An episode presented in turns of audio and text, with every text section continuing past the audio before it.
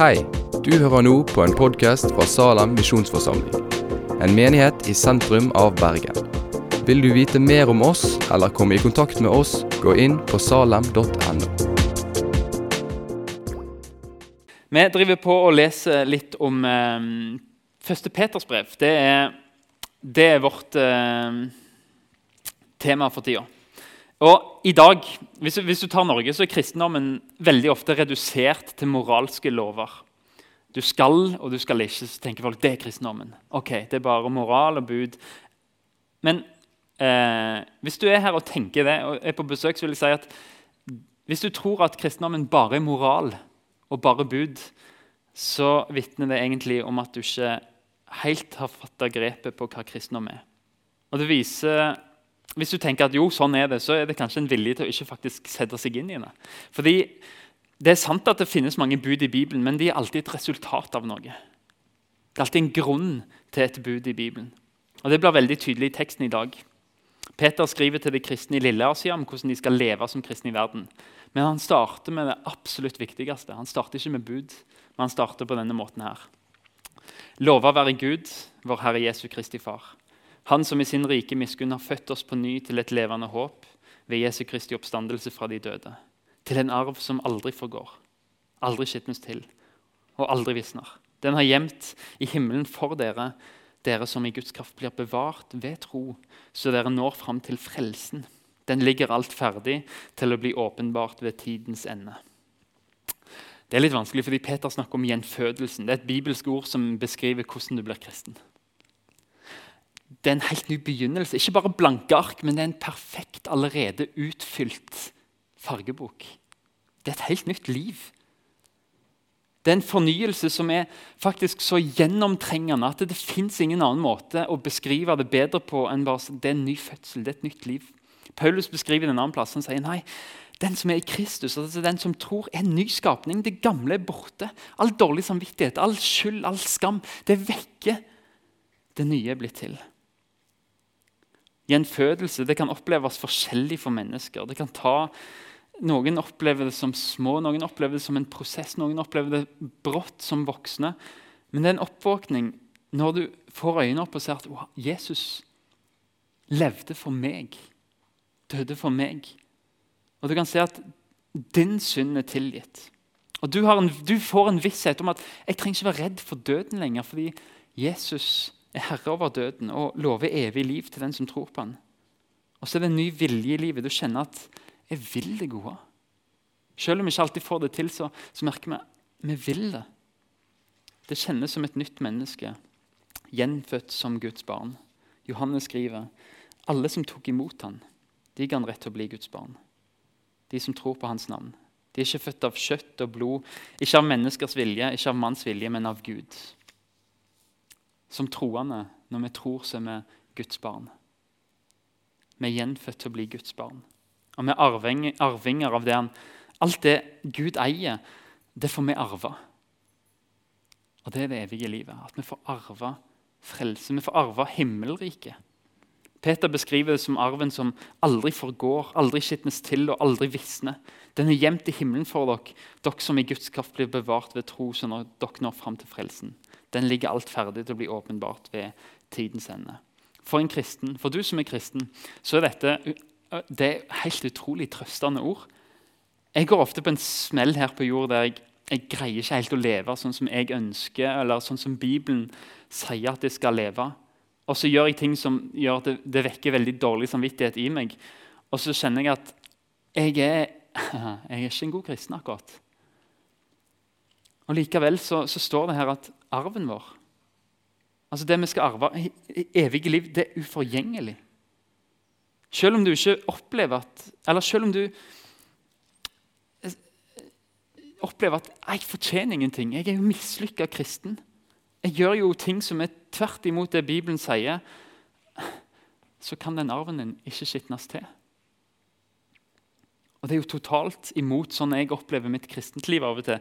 Jeg flekkes ofte til, for å bruke det uttrykket her. Altså, på en måte, Er det en sølvpytt som det står 'ikke hopp i den sølvpytten', så gjør jeg det. Jeg flekkes ofte til Jeg kjenner at troen min forgår av og til når jeg ikke greier å åpne denne boka her daglig og liksom ta til meg. og så kjenner jeg ah, det visner. Men det evige livet det er ikke basert på hva du gjør og ikke gjør. Det er basert på hva Jesus har gjort. Det ligger ferdig. Det er ikke noe du kan gjøre for å ødelegge eller for å minske arven. Du gjør ingenting for å minske arven din. For Gud har gjort den ferdig. Jesus har gjort den ferdig. Det gir håp, og det skaper forventning. Det skaper, det skaper en tro på noe mer enn denne jorda og denne skuffelsene på denne jorda. Og det skaper hvile for meg, fordi jeg vet at jeg trenger ikke prestere noe. Det skaper en frelsesvisshet, en, en trygghet på at jeg er, jeg er godkjent av Gud. Fordi det Jesus har gjort. Det skaper en trøst når jeg opplever lidelse, for jeg vet at jeg har et heim i himmelen. Det skaper en grunnleggende glede i meg. Det får meg til å løfte blikket opp fra ting her på jord, det som er forgjengelig, og se på det evige som aldri vil forgå. Jeg skal ikke si så mye om akkurat frelsesvisshet, dette, fordi jeg har snakket om det tidligere. akkurat denne teksten her i Salomon, og Den kan du finne hvis du har lyst til å lære litt mer hva sier denne om frelsesvisshet. Så da skal vi gå videre. Og Kanskje har dette vært litt til deg som er kristne. Og Hvis du er på besøk nå, så, så vil jeg snakke til deg litt om håp. Fordi håp det forandrer mennesker. Hvis du legger håpet ditt i økonomi, så vil det forandre deg. Eh, og du vil endre deg òg etter et, hvordan markedet er. Hvis, hvis markedet er bra, så har du det kanskje bra. Hvis hvis det er dårlig, så går det kjipt med deg. Og Kanskje er du grådig hvis det er motgang, og kanskje er du gavmild hvis det er medgang. Håpet, hvis det er økonomi, så vil det forandre deg alt etter hvordan økonomien er. Hvis du legger håpet ditt i helse, så vil ikke du ha stabilitet. Du, eh, jo eldre du blir, jo mindre håp vil du få. egentlig. Eh, frykten vil komme når du ligger for døden. Hvis du legger håpet ditt i framgang og karriere, så vil det håpet ditt svinge som bare det. Det vil ikke være veldig bærekraftig, og du vil være ganske sliten. Du vil kanskje være redd for å miste jobben, og, og du vil støte fra deg andre mennesker fordi du sjøl vil ha framgang. Og så går det på bekostning av andre. Håpet ditt definerer livet ditt. Hvordan du lever, avslører hva du håper på. Når vårt håp hviler på noe vi må gjøre, eller noe vi må fortjene, hvis vi, får, hvis vi greier liksom et, et vellykka liv da, ifølge håpet vårt, så vil vi bli ganske selvrettferdige og hovmodige. Men hvis vi ikke makter å leve ut etter håpet vårt, så vil vi kanskje bli utbrent. Vi vil frykte, og vi vil bli skuffa. Det kristne håpet det handler ikke om hva du må gjøre. Det handler om hva Jesus har gjort ferdig, sier den teksten til oss. Derfor er det håp som skaper fred, det skaper glede. Uansett om vi går gjennom tøffe ting, så har det kristne håpet noe som gir oss fred. Selv i lidelse. Peter skriver rett etter det, derfor kan dere juble av glede, selv om dere nå for en kort tid må gå gjennom prøvelser. Håpet Jesus gir oss, er en gave. Det leder til et liv i takknemlighet der vi kjenner at vi er godkjent, vi er akseptert, vi er elska. At det er vår identitet, at vi er barn av Gud. Og Selv om jeg opplever en nedtur i livet, så kan det stå fast og si nei, jeg er fortsatt barn av Gud. Håpet mitt endrer seg ikke. Jeg står på stødig grunn. Lidelse kan ikke ta noe fra meg fordi jeg vet at Jesus er alt jeg trenger. Det er alt jeg har. Sånn sett skaper det kristne håpet i forhold til mange andre håp stabilitet. Det skaper en bevisstgjøring på at jeg er faktisk godkjent av Gud. Jeg er verdifull. Jeg er elska. Og det håpet, den frelsen, og den arven som vi har i himmelen, det er grunnlaget for hvordan vi skal leve i verden. Det er grunnsteinen for det Peter sier videre i det vi skal lese nå. For etikk og bud, det kommer nå. Nå kommer Peter med moral og etikk og bud. Men det står på denne. Det står på det håpet vårt at det er derfor vi kan leve annerledes. Fordi vi er trygge. Vi tror på en, en far som har gitt oss et evig liv. Og det skaper en annerledes livsførsel. Vi gjør fordi vi tror. Troen vår er en sånn karakter som gjør at den faktisk forandrer hvordan vi lever. Så hvordan ønsker Peter at vi skal leve? Vi skal, vi skal lese resten av kapittel 1. faktisk. Og så skal jeg ta tolv minutter til av deres tid etter det. Peter 1, 13-25. Spenn derfor beltet om livet. Derfor. Det betyr jeg har snakka om frelsen, jeg har snakka om arven som aldri forgår. Derfor spenn beltet om livet. Vær våkne, beredt i tanke og sinn. Sett håpet fullt og fast til den nåde dere skal få når Jesus Kristus åpenbarer seg. Som lydige barn skal dere ikke lenger la dere lede av de lystne dere fulgte den gang dere levde i uvitenhet. Han som kalte dere, er hellig. Slik skal også dere være hellige i all deres ferd. For det står skrevet, dere skal være hellige, for jeg er hellig. Dere påkaller Gud som far, han som ikke gjør forskjell på folk, men dømmer enhver etter hans gjerninger. Da må dere også leve i Guds frykt den tiden dere ennå er her som fremmede. Dere vet at det ikke var med forgjengelige ting som sølv eller gull dere ble kjøpt fri fra det tomme livet dere overtok fra fedrene.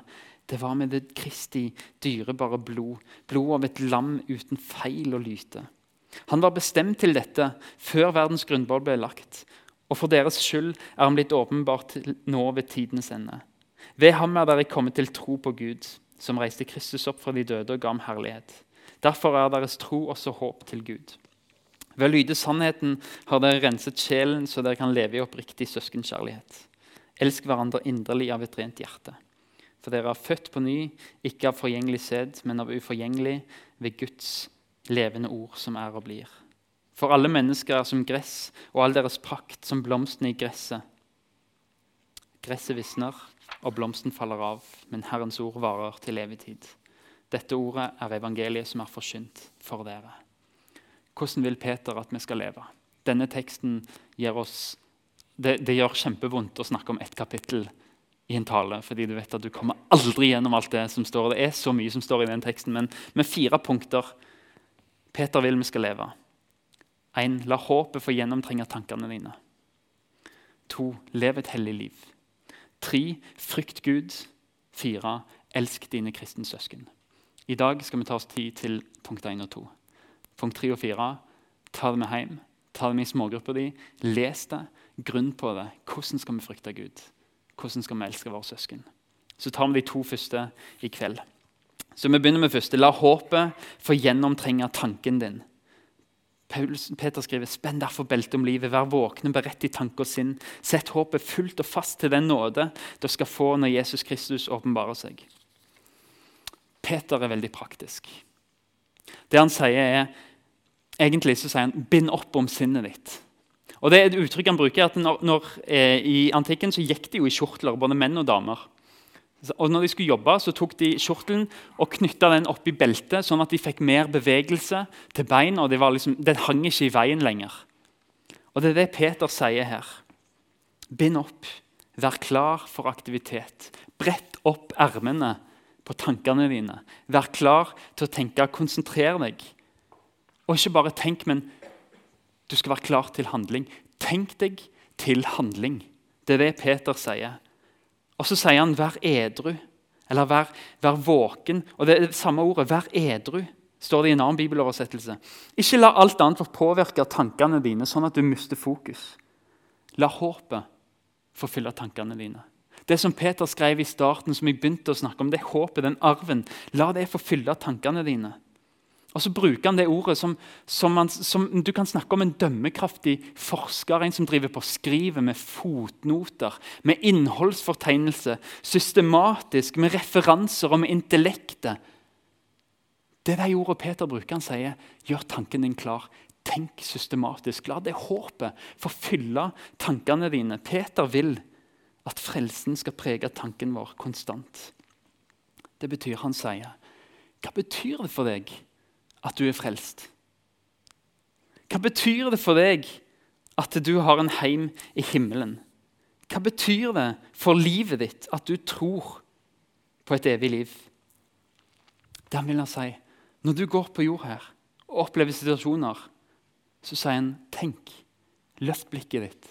OK, jeg har et evig liv. Hvordan skal jeg leve her? Det er det kristne har gjort gjennom historien.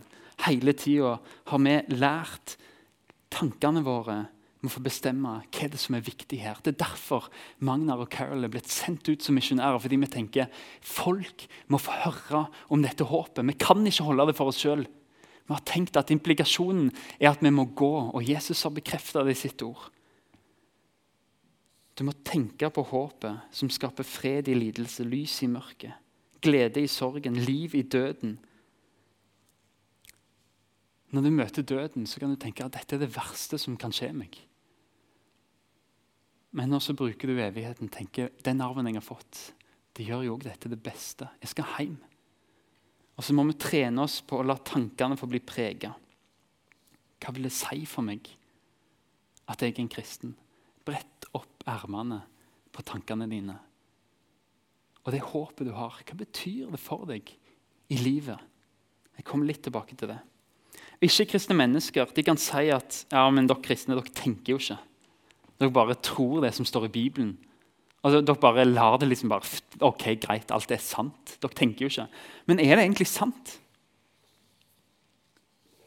For Hvis du ser på kristne, historien til, til kristendommen Du ser hvordan kristne har starta sykehus, skoler, flyktninghjelp, misjonsstasjoner.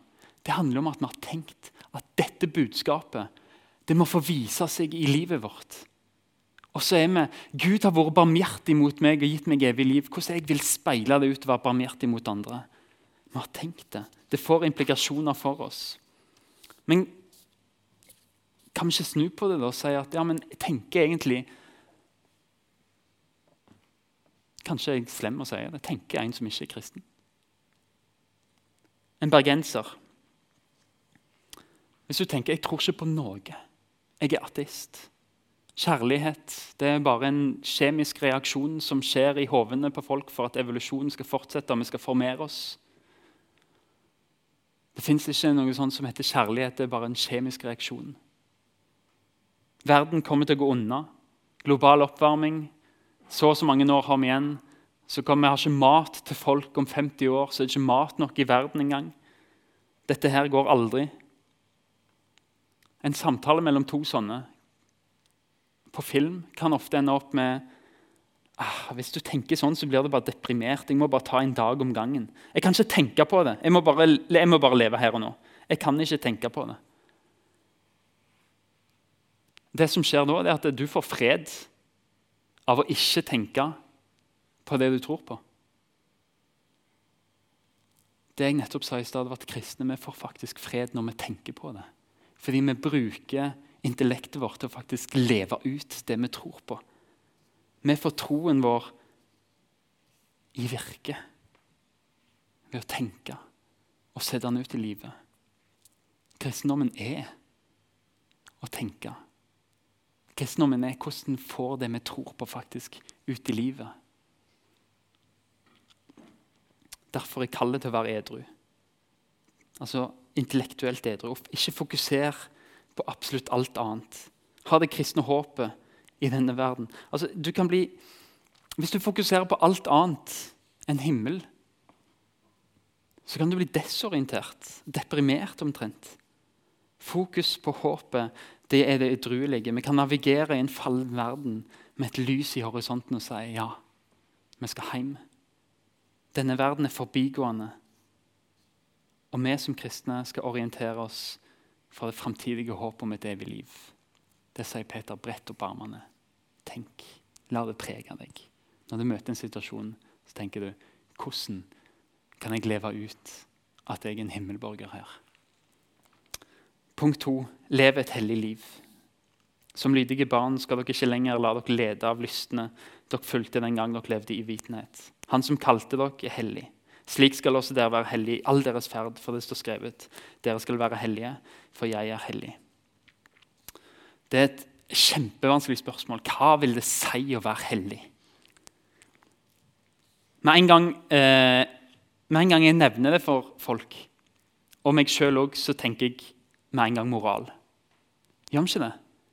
Hellig tenker du, ja, de ti bud.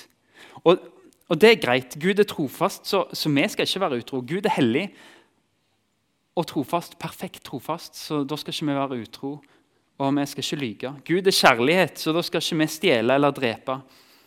Vi tenker på moral når vi hører hellighet, og det er rett, men, men det betyr så mye mer. Det betyr at vi skal leve gode liv, ja, men det betyr så mye mer. For, for Når Peter sier at dere skal være hellige fordi Gud er hellig, så siterer han en bok i Bibelen som vi kaller for Tredje Mosebok. Og Tredje Mosebok skriver det tre-fire ganger. Du skal være hellig, for Gud er hellig. Men i Tredje Mosebok så står det nesten ingen sånn moralske bud. Det står nesten, altså De ti bud står i andre Mosebok og femte Mosebok, men i Tredje Mosebok så handler det bare om hellige ting. Det handler bare om hellige ting der. Det handler om hellige bord og potter. Det er ikke moral det er snakk om. Iallfall ikke utelukkende. Fordi dette bordet her, det kan ikke være moralsk. Det kan ikke gjøre ting. Men hva betyr det da at et bord kan være hellig? Hellig det betyr altså Ordet hellig det betyr skilt ut, adskilt.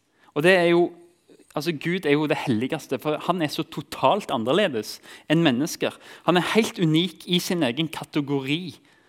Altså Det er ingenting som kommer nær. Han er hellig, han er adskilt. Ingenting er sånn som han. I tredje Mosebok, hvis det står om et hellig bord Hvis en familie satt rundt et bord og spiste, og de bestemte seg vi vil hellige dette bordet Det de måtte gjøre da, det var å ta bordet ut av huset sitt.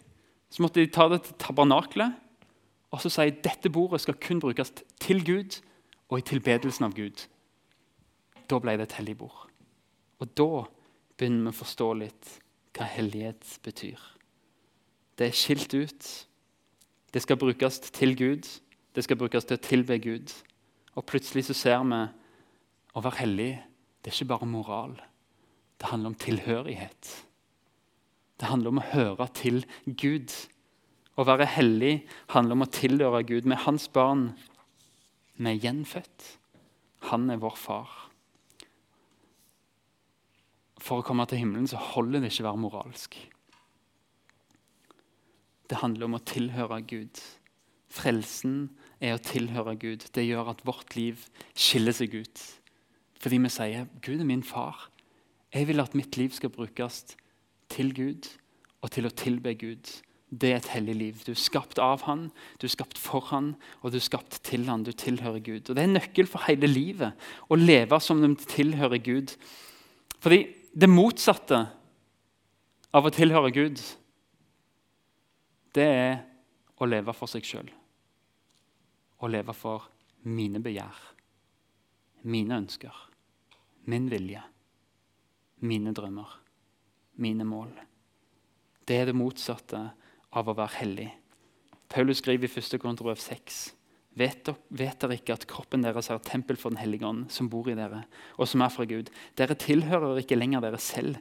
Dere er kjøpt og prisen betalt. Bruk da kroppen til Guds ære.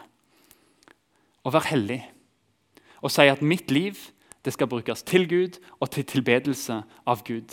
Da lever du hellig, og da har du en nøkkel omtrent til hele livet. Til og med der Bibelen ikke kommer inn og forteller sånn og sånn skal du leve. På jobb. I Efeserne 6 så sier Paulus ikke jobb for sjefen din. Ikke jobb for deg sjøl, men gjør jobben din som om du gjør den for Gud. Det er et hellig liv. Det samme kan du si om fattige. Ikke hjelp de fattige for deres skyld. Selv om det er fint. Ikke hjelp de for din skyld, at du kan prektig stå opp. Gjør det for Gud. Fordi da gjør du det med en glede. Du gjør det med en takknemlighet, du gjør det med en ren samvittighet. Det skaper en arbeidslyst som sier dette gjør jeg for Gud. Vi har det bibelverset hengende på kontoret. Ikke jobb. Altså, Gjør jobben din ikke som om du gjør det for mennesker, for det er Gud du kjenner. Vi vil leve hellige liv. Vi vil tilhøre Gud. Alt i livet ditt tilhører Gud det er å være hellig. Gjenfødelsen har gjort oss til Guds barn med et håp. Vi hører til Han, og vi har det håpet. Og det forandrer livet til å leve takknemlighet, til å være lydige mot Gud. Helt til slutt. Jesus ber til Gud før han skal dø. Så sier han, Far, jeg helliger meg for deg, så også de kan helliges i sannheten. Der viser Jesus oss hellighet. Han sier, 'Far, jeg skiller meg ut for deg.' Jeg gir meg for dem. Sånn at de kan bli gitt til deg. Jesus elsker. Han elsker deg. Han vil at du skal bli fri fra å leve for deg sjøl. Uten den stabiliteten som håpet gir. Han vil at du skal fikse blikket på håpet og la den kjærligheten for å gjøre livet ditt stabilt, men mest av alt for å ta vekk all, synden, all skylden for det du har gjort, sånn at du kan få evig liv og bli frelst. La den sannheten få gjennomtrenge tanken din. Brett opp armene dine på tanken og tren deg på å tenke hva har dette å si for mitt liv sånn det er her og nå? Hvordan ser dette ut i mitt liv? Skal vi be. Herre Far, takk for ditt ord til oss. Ditt ord er sannhet. Jeg syns du sier vi skal leve hellig. Og du sier vi skal tenke på det arven du gir. Hjelp oss til å leve sånn. Jeg syns du kjenner hver enkelt her inne. Og du vet om folk kjenner seg igjen i det de har hørt.